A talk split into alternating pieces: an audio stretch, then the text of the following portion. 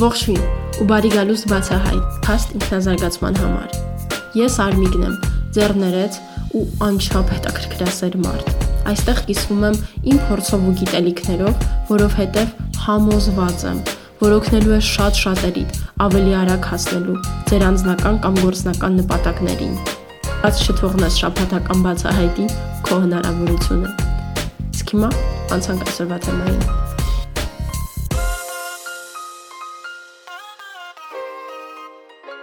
Այսօրվա էպիզոդում խոսելու եմ ինքնավստահության մասին։ Ուզում եմ առաջինը հասկանաս, որ ինքնավստահությունը քեզ բնորոշող ինչ-որ ընդհանուր հատկանիշ չէ։ Այսինքն ոչ թե դու ինքնավստահ ես կամ ոչ, այլ չէ, սա կոնտեքստային է։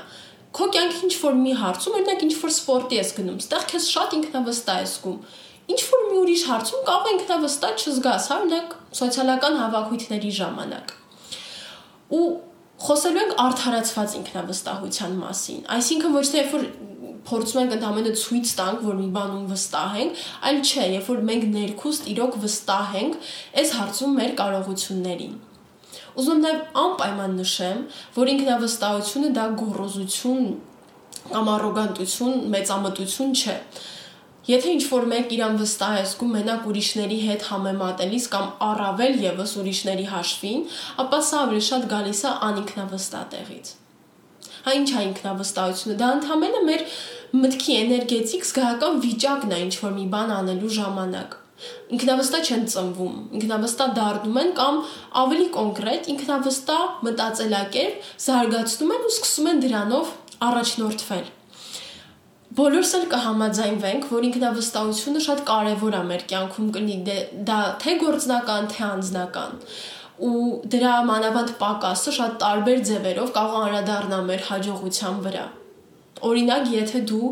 քաշում ես անհանգստանում ես, ստրեսի մեջ ես, հիմա քո գործի հարցազրույցների ժամանակ, ապա սա ազդելու է քո գործը ստանալու հավանականության վրա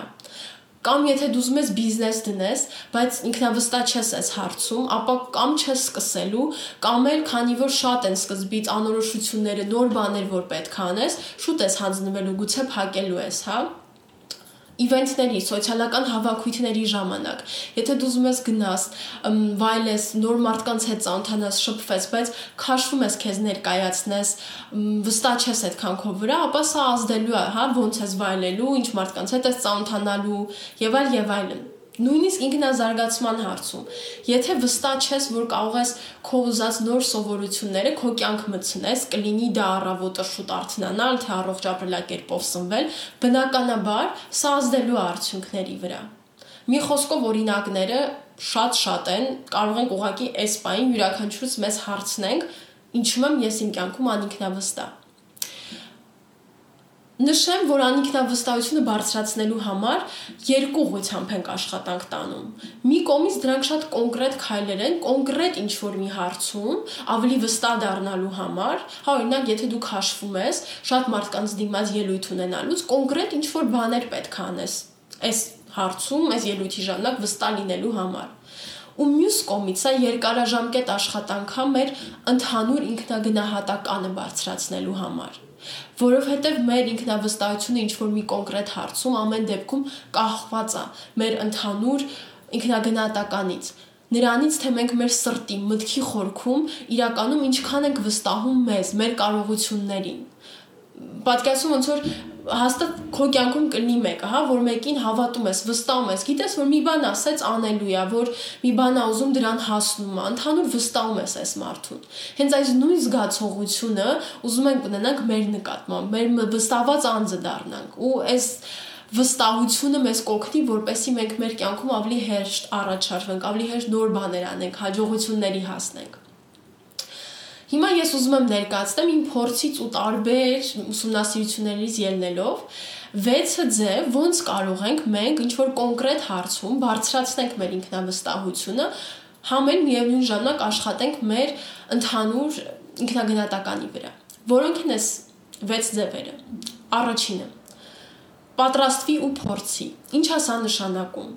Օրինակ հենց բերածս հասարակական ելույթի օրինակով, հա, եթե դու սպասես, որ մի օր արթնանալու ես ու էլ ընդհանրապես չես քաշվելու ու շատ վստահ ձևով մեծ քանակով մարդկանց դիմաց ելույթ ես ունենալու, դա երբեք չի լինի, որովհետև դա մի օրում տեղ ունեցող բան չի, հակառակը պետքա փոքր քայլերով փորձես պատրաստվես։ Օրինակ, Գրի սկզբից տեքստը, պարապի, հետո քո դիմաց մի հատ հայլու առաջ պարապի, հետո խնդրի ընտանիքիդ, ընկերներին մի հատ իրանց ներկայացրու, հա, հետո մի հատ գուցե փոքր խմբի առաջ ու սենց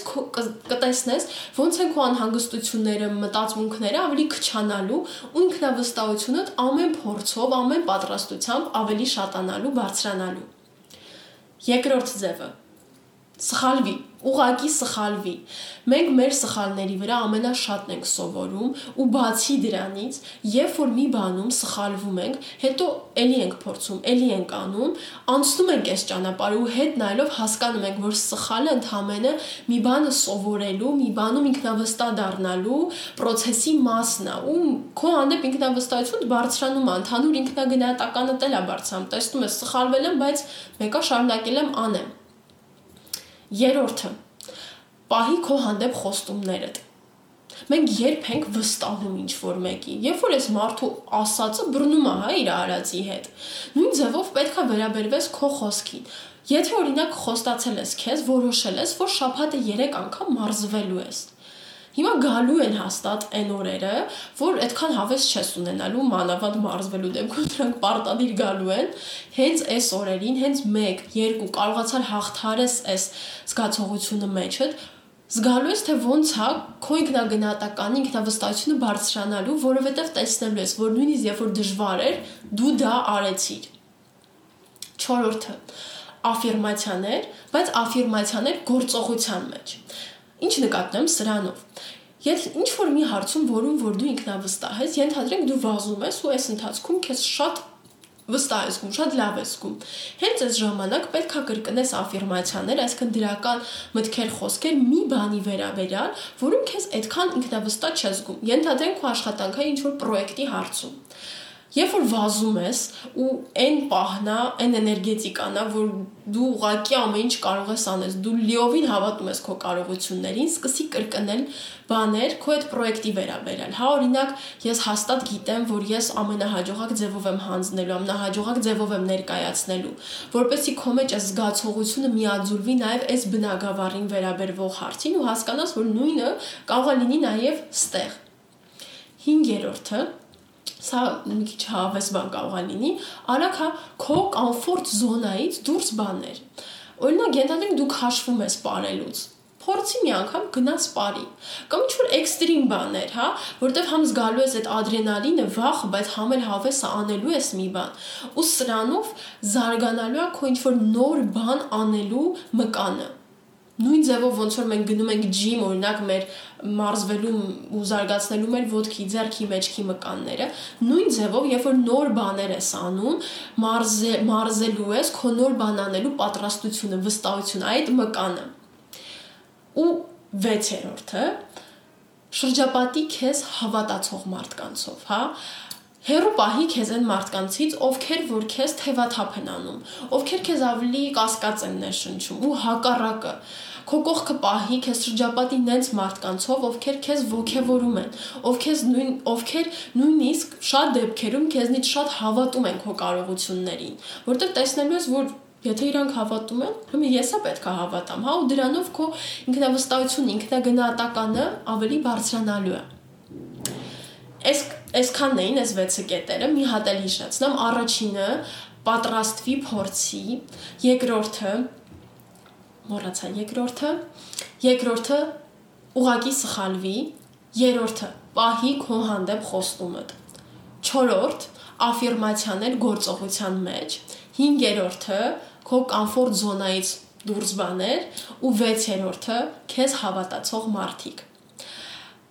Այսքանն էր այսօրվա էպիզոդը ու շատ ուրախ կլինեմ, եթե ձևերից մեկը կամ մի քանիսը փորձելիս կիսվեք ձեր փորձով, ձեր մտքերով եւ նաեւ եթե կան ինչ որ հարցեր, անպայման գրի բացահայտի սոցիալական կայքերից որևի որևիցե մեկով։ Ու վերջում ոնց որ միշտ հիշեցնելու եմ այսօր շատ էլ լավ օր է, լավ օր ունենալու համար։ Շնորհակալ եմ, որ ինձ լսեցիք։